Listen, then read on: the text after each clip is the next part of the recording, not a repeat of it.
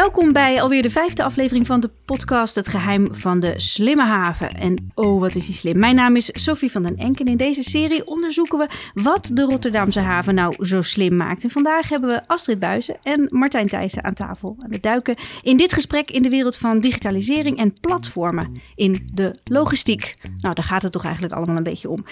Um, ja, eerst introduceer ik graag uh, de gasten aan tafel om eventjes met jou te beginnen. Martijn, Head of Ecosystem en Platform Play. Dat Platform Play, dat klinkt, natuurlijk heel erg leuk. Klinkt dus dat leuk. moet je even uitleggen. Ik, ik, mag, ik mag heel veel spelen. Nee, ja, het, is, het gaat over digitalisering in de haven. Um, daar zitten allemaal nieuwe spelers bij die we niet zo goed kennen. Dus het ecosysteem verandert. Er zijn allemaal nieuwe partijen hier in Rotterdam, maar ook in de wereld die iets met logistiek doen, waar we traditioneel niet zoveel mee te maken hebben. Dus dat is het ecosysteemdeel. En hoe spelen platform en platform businessmodellen daar een rol in? Uh, dat mag ik uitzoeken, iets van vinden en, en richting geven. Dus uh, vandaar de term Head of Ecosystem en Platform Play. Oké, okay, dus ze spelen een rol. Ze spelen een rol. Okay. Uh, als spelenderwijs vinden we uit hoe we waarde aan elkaar kunnen toevoegen. Dat is een beetje de, de achtergrond. Nou, dus dat betekent dat we gewoon een hele leuke podcastaflevering gaan maken. Astrid, jij bent sinds begin dit jaar, 2022, directeur digitale transformatie bij Kolen. Ook al natuurlijk een mooie titel.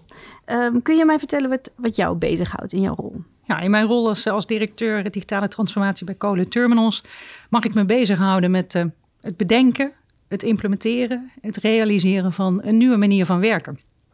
Kijk, de business verandert heel erg, maar ook hoe we die business moeten, moeten uitvoeren op een dagelijkse uh, basis hm. vraagt nieuwe hulpmiddelen, nieuwe tools. Nou, en de ontwikkeling van de technologie geeft ons daar heel veel mogelijkheden in. Dus ik leer wel dat ik mijn titel wat misschien moet gaan aanpassen. Ik wil de term play er eigenlijk wel in gaan brengen. Ik wou net zeggen, het klinkt alsof dat ook op jouw rol van het toepassing speelt ook is. op mijn rol. En misschien moeten we dat erin brengen, want dan wordt digitaal transformeren volgens mij een stuk leuker. Ja. Uh, mensen vinden het vaak best wel eng. Het is ongrijpbaar. Uh, het is iets wat een soort buzzword-achtig iets heeft. Mhm. Mm -hmm. Maar het gaat gewoon om elke dag op een leukere manier je werk kunnen doen. Nou, dat is volgens mij spelen. Oké. Dus ik ga mijn titel uh, denk ik uh, aanpassen. Nou, dat, dat is... Hebben we dat alvast bereikt? Precies. Wanneer is in jullie ogen een haven nou uh, slim? Martijn. Slim. Slim kan je denk ik op een heleboel manieren uh, toepassen. We kennen allemaal slimme toepassingen. Dus dan gaan we slimme dingen met data doen. Dat is vaak de connotatie die we hebben. Ja.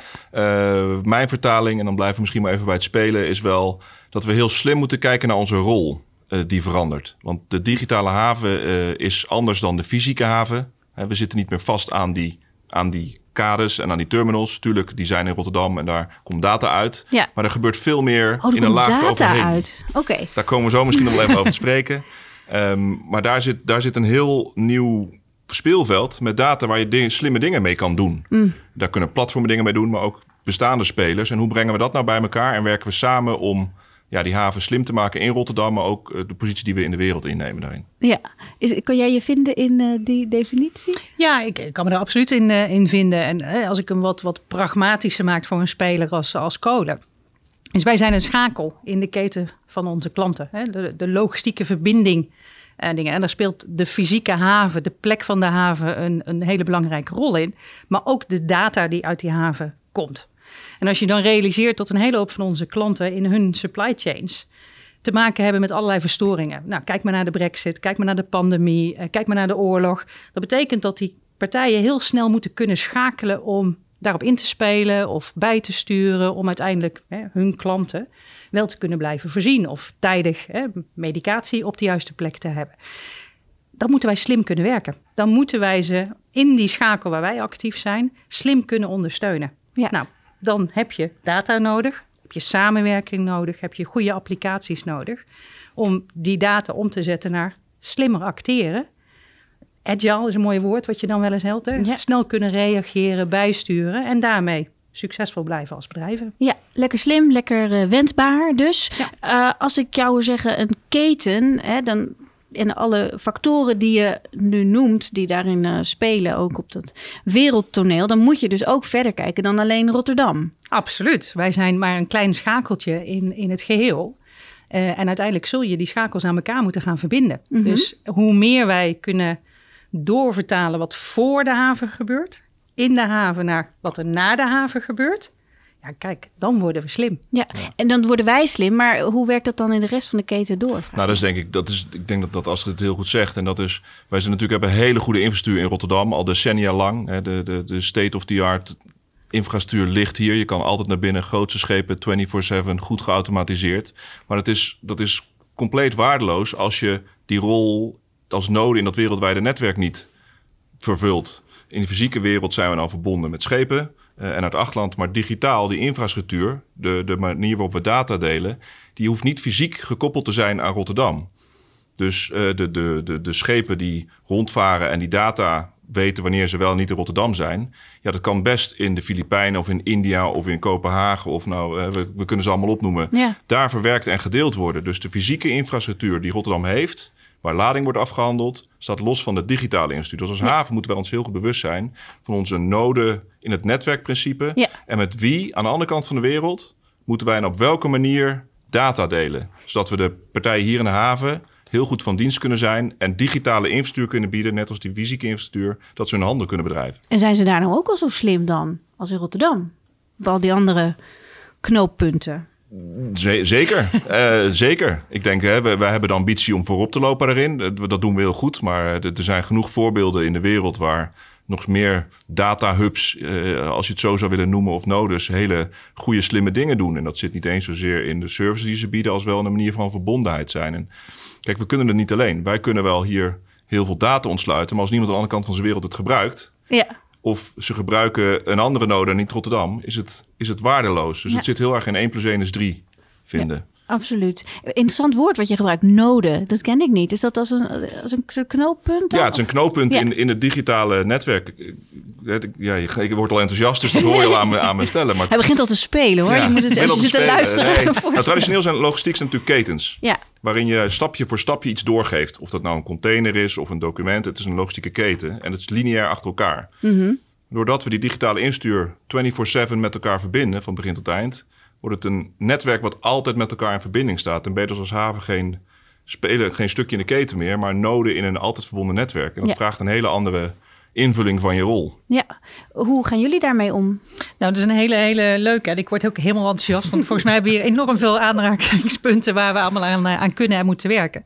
Kijk, wij, ook wij zijn weer een schakel in die keten. En wij hebben, en daarom is het wel een mooie vergelijking met, met de haven op zich, is we hebben assets. We hebben tanks, we hebben jetties, we hebben pompen eh, en we hebben eh, beladingsmogelijkheden.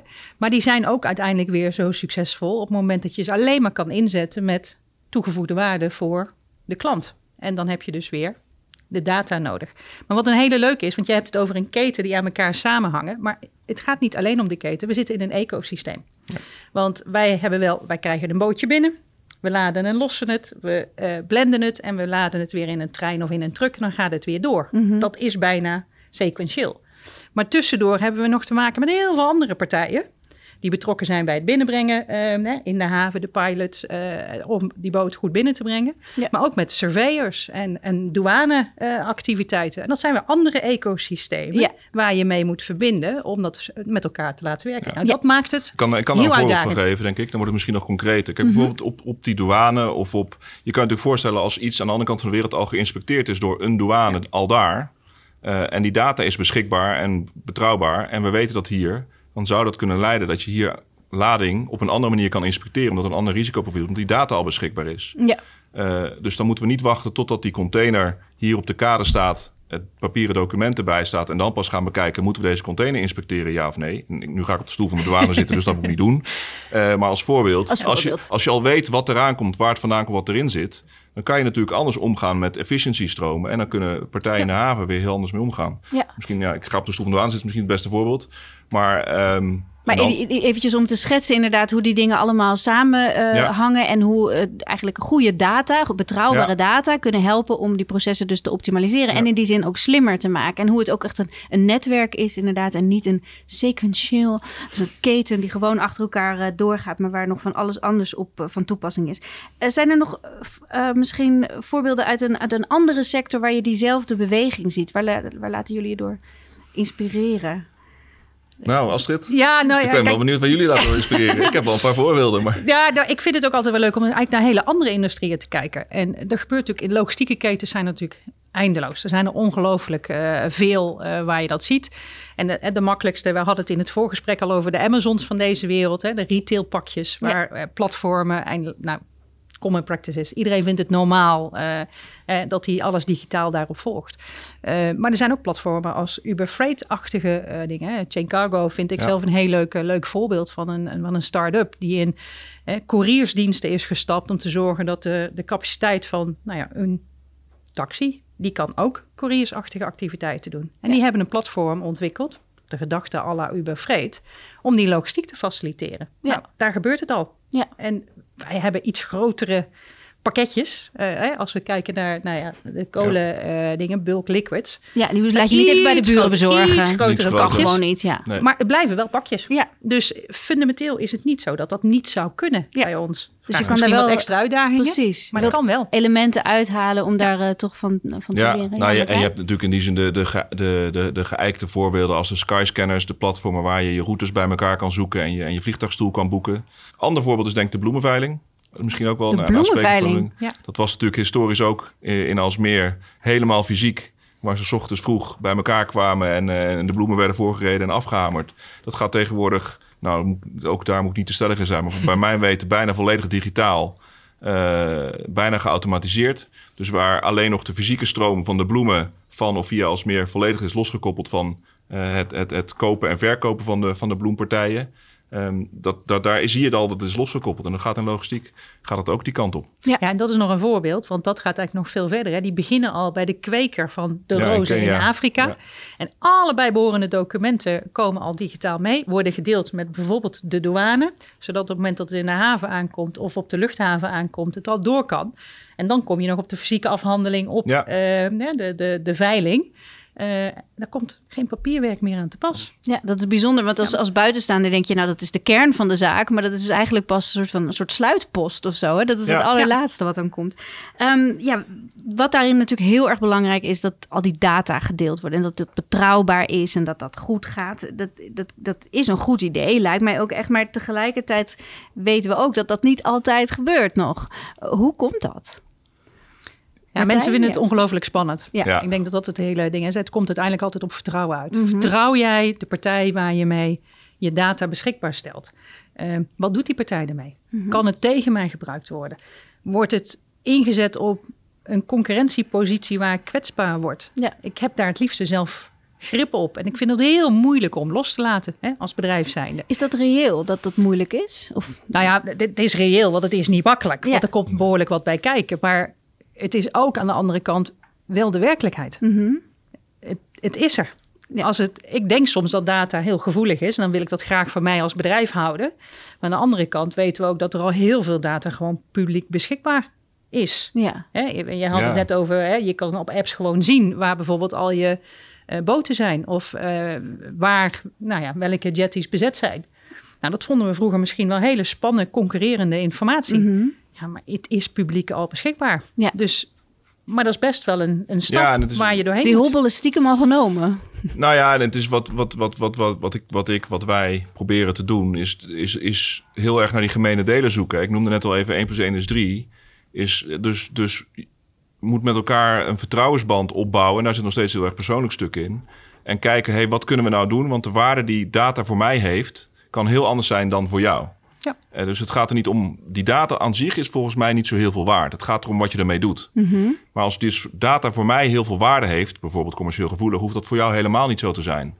Maar jij kan daar jouw proces weer heel erg mee optimaliseren. Terwijl als jij data hebt die voor jou misschien gevoelig is, of die je uh, denkt, nou spannend om te delen, kan voor mij in die zin niet waardevol zijn, maar kan ik wel mijn proces heel erg mee opnemen. Dus als je gaat zoeken naar gedeel, gemene delers. Mhm. Mm -hmm dan ontsluit je waarde voor het geheel. Ja. En dat is, dat is voor mij... Dat is die 1 plus 1 is 3. Ja, en dat is voor mij de waarde van het ecosysteem. Mhm. Mm -hmm. uh, is dat we zoeken naar partijen, coalition of the willing, hoe je het ook wil noemen... die gewoon met elkaar vanuit de vertrouwensband gaan zitten. hey, hoe ziet mijn proces eruit? En dat is al spannend, want dan moet je gaan vertellen hoe jouw proces werkt... en waar, jij, waar het goed gaat, maar vooral ook waar het niet goed gaat. En ik denk dat dat is natuurlijk ook wel ja. Ja, uh, waard. Dus dan ga ik mijn conculega of mijn partner of mijn, uh, mijn, de, de, mijn leverancier... ga ik inzicht geven in hoe het bij mij gaat. Ja. ja dat is natuurlijk historisch niet hoe wij handel drijven. Ja, daar moet logistiek. je helemaal voor omschakelen. Moet je helemaal voor omschakelen. Ja. Maar als je dat wel doet, dan zie je ineens... hé, hey, maar als ik dat van jou weet en jij dat van mij... dan kunnen we samen dit doen. Ja. Ja.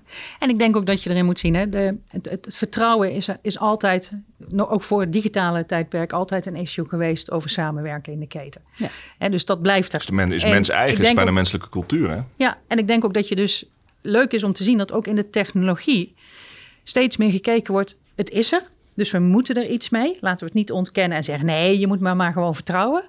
Maar dat je ook kijkt naar, er zijn hulpmiddelen in de technologie die dat vertrouwen kunnen creëren. Net zo goed als dat je in het oude systeem een bank hebt of een notaris die jou kan helpen om dat wantrouwen eigenlijk weg te halen of te zorgen dat je er geen risico mee loopt. Ja. Nou, dat zie je in de technologie Ja. ook. Hè. De Technologie als blockchain heeft bijvoorbeeld capabilities om dat te beheersen. Om te zorgen dat de juiste mensen toegang hebben tot de informatie die ze ook echt mogen zien. Precies. Eh, en dat de data gevalideerd is voordat je de beslissingen opneemt. Maar er zijn ook al platformontwikkelingen waar eh, nou ja, systemen toegepast worden. Autorisatieregisters met een Ja, mooi ja, ja. woord. Die ervoor zorgen dat die beheren. Je gaat data delen, maar je hebt nog steeds wel eigenaarschap over jouw data. En wie er wel en niet toegang heeft tot jouw data. ja. Dus, we dat is worden dan- ook geholpen door de technologie om daar een stap vooruit te maken. Zit er toch een soort vangnet onder dat eh, Zeker. Ja. Ja. ja, digitale vertrouwenskoorddans die mensen Ja. moeten Ja. uitvoeren, die zo nieuw is ook, eh, relatief toch nog steeds. Ja, die blauwe ogen, die zie je niet meer. Dus die zul je op een andere manier moeten afvangen. Ja, precies. Blauwe ogen wordt gewoon vervangen door bijvoorbeeld blockchain. Ja. Ehm, dat vraagt natuurlijk ook iets anders van mensen die in deze sector werken. En de arbeidsmarkt is natuurlijk een, ook een belangrijk thema nu, enorme tekorten. Hoe, hoe kan je nou talent, toekomstig talent, dat, eh, dat dus aanvoelt wat er nu nodig is, eh, aantrekken naar de, naar de haven? Ja, ik, kijk, het is... Behalve met hele mooie jobtitles Nou, natuurlijk. dat, dat, dat, waar heeft, mij- dat heeft in mijn geval gewerkt. Dus dat, dat eh, nee. Maar nou, ik denk dat het, wat, wat wij merken is dat wij, eh, we werken aan hele leuke, complexe, uitdagende problemen. Die echt een verschil kunnen maken in de wereldlogistiek, maar ook in termen van duurzaamheid. Als we die hele keten efficiënt maken, wat dat wel, wel niet kan doen voor duurzaamheid. Van dus dat trekt wel talent aan. Omdat het, men ziet, hey, het is complex, er is heel veel potentie. En digitalisering staat nog in de kinderschoenen. Wat moeilijk is, is dat dit een hele andere blik vraagt. Hè, waar we het net over hadden, die nodeblik, outside in, de wereld en de, eh, de rol van ons. Dus we moeten ook naar een heel ander talent toe. Eh, het is niet meer het traditionele talent wat in de haven komt werken voor grote schepen, lading, lossen, eh, dat soort. Het wordt veel meer digitaal en een heel complex onderwerp, maar waarin je heel veel diversiteit nodig hebt. Hè, denk eens aan verschillende culturen. Wij, al driekwart van wat er door die haven komt, containers, komt uit Azië. Als wij daar data mee willen delen in een, in, een, in een vroeg stadium, moeten wij heel goed bedrijven hoe die Aziatische cultuur werkt in data delen en vertrouwen. Al is het maar om die menselijke component in die samenwerking te kunnen vinden. Dus we moeten, dat is denk ik de uitdaging, is dat we als Rotterdam, als havenbedrijf, als complex, veel diverser moeten kijken naar wat voor mensen hebben we nodig. Want de uitdagingen zijn er. Eh, maar we moeten echt veel breder kijken waar we talent vandaan halen. Ja, en eigenlijk ook als je dan zegt van, eh, het is natuurlijk een enorme digitalisering, maar waarbij vertrouwen zo super belangrijk is, dan is die menselijke component natuurlijk ook heel erg Ja. belangrijk. Dus het moet, eh, ja, je hebt echt ehm, teamplayers nodig die Ja. gevoel hebben voor die hele context. Ja, je hebt spelers nodig die samen kunnen werken. Ja. Die eh, conceptueel goed kunnen denken. Want de problematiek is echt heel groot waar ze hun tanden Ja. in vast kunnen zetten. Omgekeerd denk ik dat je ook moet realiseren dat een hele hoop van de jongere generatie... die groeit al op in die digitale wereld. Voor hen is dat normaal. Ja. Eh, Voor Ja, ons wij zijn dat vaak nog de allemaal wennen. Ja.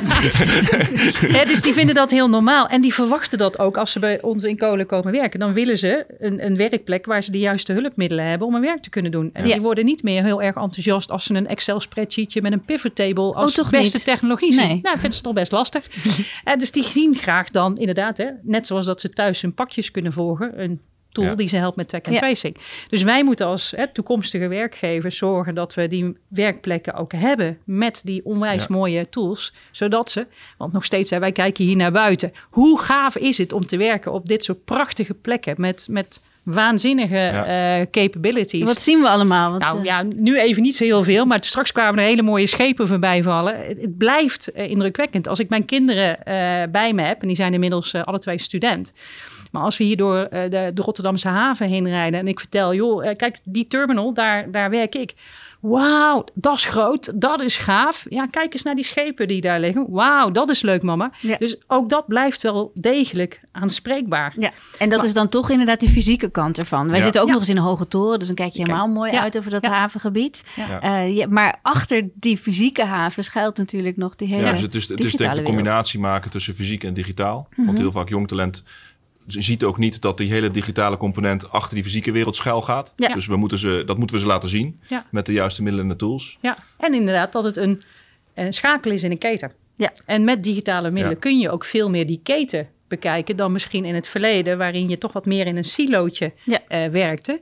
Ja, en dat maakt het voor hun denk ik Ja. ook gewoon Ja. heel aantrekkelijk. Een keten waar ook nog dingen boven en onder hangen. Een heel netwerk inderdaad. Eén grote spaghetti-brei van uitdagingen. Ja, Nou, jullie ogen beginnen er in ieder geval helemaal van te glimmen. Dat vind ik echt prachtig om te zien. Eh, wat een passie. En we gaan eh, richting de afronding van het eh, eh, gesprek. Wie hebben we nou nodig om, om deze eh, papierloze, digitale ketens, netwerken, eh, ja, te- te realiseren? Hè? Dat mensen vol vertrouwen kunnen, kunnen handelen in die online wereld. Wat, wat is daarvoor nodig? Nou, ik denk dat we, we, we raakten er al aan. Ik denk dat het, we vertrouwen in elkaar. En het besef dat we dit niet alleen kunnen. Dus je, je kan niet, al- als je alleen jouw eigen eh, postzegel of je eigen bedrijf of je eigen proces optimaliseert, optimaliseer je nooit, ben je nooit die goede node in dat netwerk. Dus je moet met je ecosysteempartners om tafel. Wat, wat, waar willen we dat het naartoe gaat? Wat hebben we van elkaar nodig? De technologie is er eh, om dat te doen. Papierloos komt terecht aan. We zijn nou eindelijk de wet aan het wijzigen. waarin staat dat we niet meer papieren documenten nodig hebben om aan te tonen dat, eh, dat we eigenaar van lading zijn. maar dat dat een digitaal document ook goed is. Het gaat niet om dat document. Het gaat om de data die erop staat. Precies. En als we dat hebben en met elkaar kunnen delen. eh, dan denk ik dat, dat we hele grote, grote stappen kunnen maken. Maar het begint met, met kleine stapjes en vertrouwen. Want dat, dat, is, dat is hoe het werkt. En is er dan een soort eindpunt, een, een stip op de horizon of een horizon waar we naartoe werken?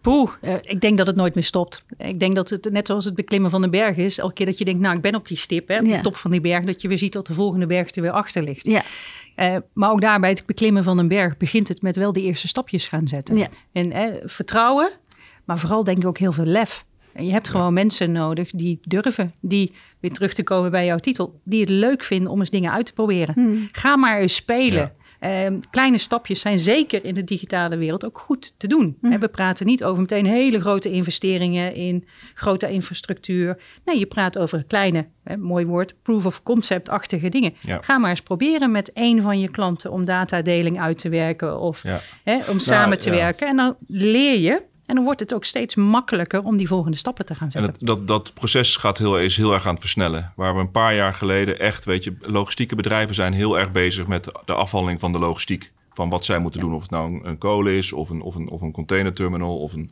of, een, of, een, of een vrachtwagenchauffeur. Die hebben heel weinig tijd en ruimte eh, om daarnaast te experimenteren met dingen. Als havenbedrijf zien we echt wel de rol om dat te faciliteren. eh, Die drempel weg te halen en ze mee te nemen. Maar je ziet ook de noodzaak daarvoor groeien. En corona heeft heel erg bij geholpen. Het, het feit dat, dat nu Astrid bij kolen begonnen is met ook een mooie titel. Betekent ook dat daar heel veel ruimte komt voor die experimenten. En dat is niet alleen bij kolen, dat is niet alleen bij ons. Je ziet dat echt ontstaan. Eh, er komt kruisbestuiving uit de andere sectoren. Talent komt er naartoe. Dus ik zie echt de aankomende jaren gaat er heel veel gebeuren. Eh, dat, is, dat vind ik ontzettend leuk. Ja. En de uitdaging wordt om, om eigenlijk de, de snelheid van de mensen, de mensen mee te nemen. daarin. Ja, en dat is denk ik ook wat we eh, de community met elkaar moeten Ja. helpen. Ik ben gisteren met een deel van mijn team op bezoek geweest bij NPRC. Die zijn hele leuke stappen aan het zetten in, in dry bulk, ehm, hè, de, in die coöperatie. Daar kunnen wij heel veel van leren. Ja. Ehm, wij zitten volgende week met Den Hartog om de tafel om te kijken hoe we het aan de landkant eh, slimmer van elkaar kunnen leren. Nou, dat is hoe we elkaar moeten helpen. Dat zit niet concurrentietechnisch elkaar in de weg. Maar je kunt wel heel veel eh, nou ja, oppakken bij Ja. je collega's. Dus nou ja, weet je, ik denk dat dat de uitnodiging moet zijn. Ja. Hè, Nou zet ik jou even voor een blokmedaille. Maar als er mensen zijn die graag van ons willen leren... Ik vind dat hartstikke leuk, want ik leer daar ook weer heel erg veel van. Ja. En ik denk dat dat Ja. de katalysator kan zijn om eh, nou ja, de slimme haven ook echt eh, met z'n allen naar het volgende niveau te brengen. Ja, Dus nou, ik sta nee, die uitdaging neem, neem ik graag aan. Of die handschoen pakken we op. Want ik denk dat wij als, als haven veel meer uh, het, het, ecosysteem moeten activeren en orchestreren dat innovatie en samenwerking plaatsvindt, dan dat we dat zelf moeten doen. En dat is natuurlijk wel iets waar we, die rol zien we steeds helderder worden voor onszelf. Dus als we dit soort partijen, als dank daarvoor, uh, daar een plek in kunnen geven, dan, dan komt die versnelling er vanzelf. Kijk, dus, uh, dat is mooi. Zo kun je elkaar uh, inspireren en van elkaar leren. En ja. dan wordt het een, een, vliegwiel en dan gaat het steeds harder. maar die, na die berg komt er gewoon een nieuwe berg. Dank jullie wel allebei voor dit gesprek. Ontzettend leuk. Um, ja, dit is ook het einde trouwens van, uh, van de opna opname van serie 1. Ja, uh, ik ben een heleboel wijzer geworden. En ik ben ook heel geïnspireerd geraakt door het enthousiasme hier in de Rotterdamse haven. Om even terug te komen bij de woorden van uh, Allard Kastelein in de allereerste aflevering. Als we het hier in Rotterdam niet kunnen, nou ja, waar in de wereld moet het dan gebeuren? Heb je die eerdere aflevering nou gemist, dan eh, kun je natuurlijk de hele serie nog terug luisteren. En als je meer wil weten, neem dan een kijkje op poortofrotterdam.com slash toekomst. Want die komt eraan. Bedankt voor het luisteren. Dag!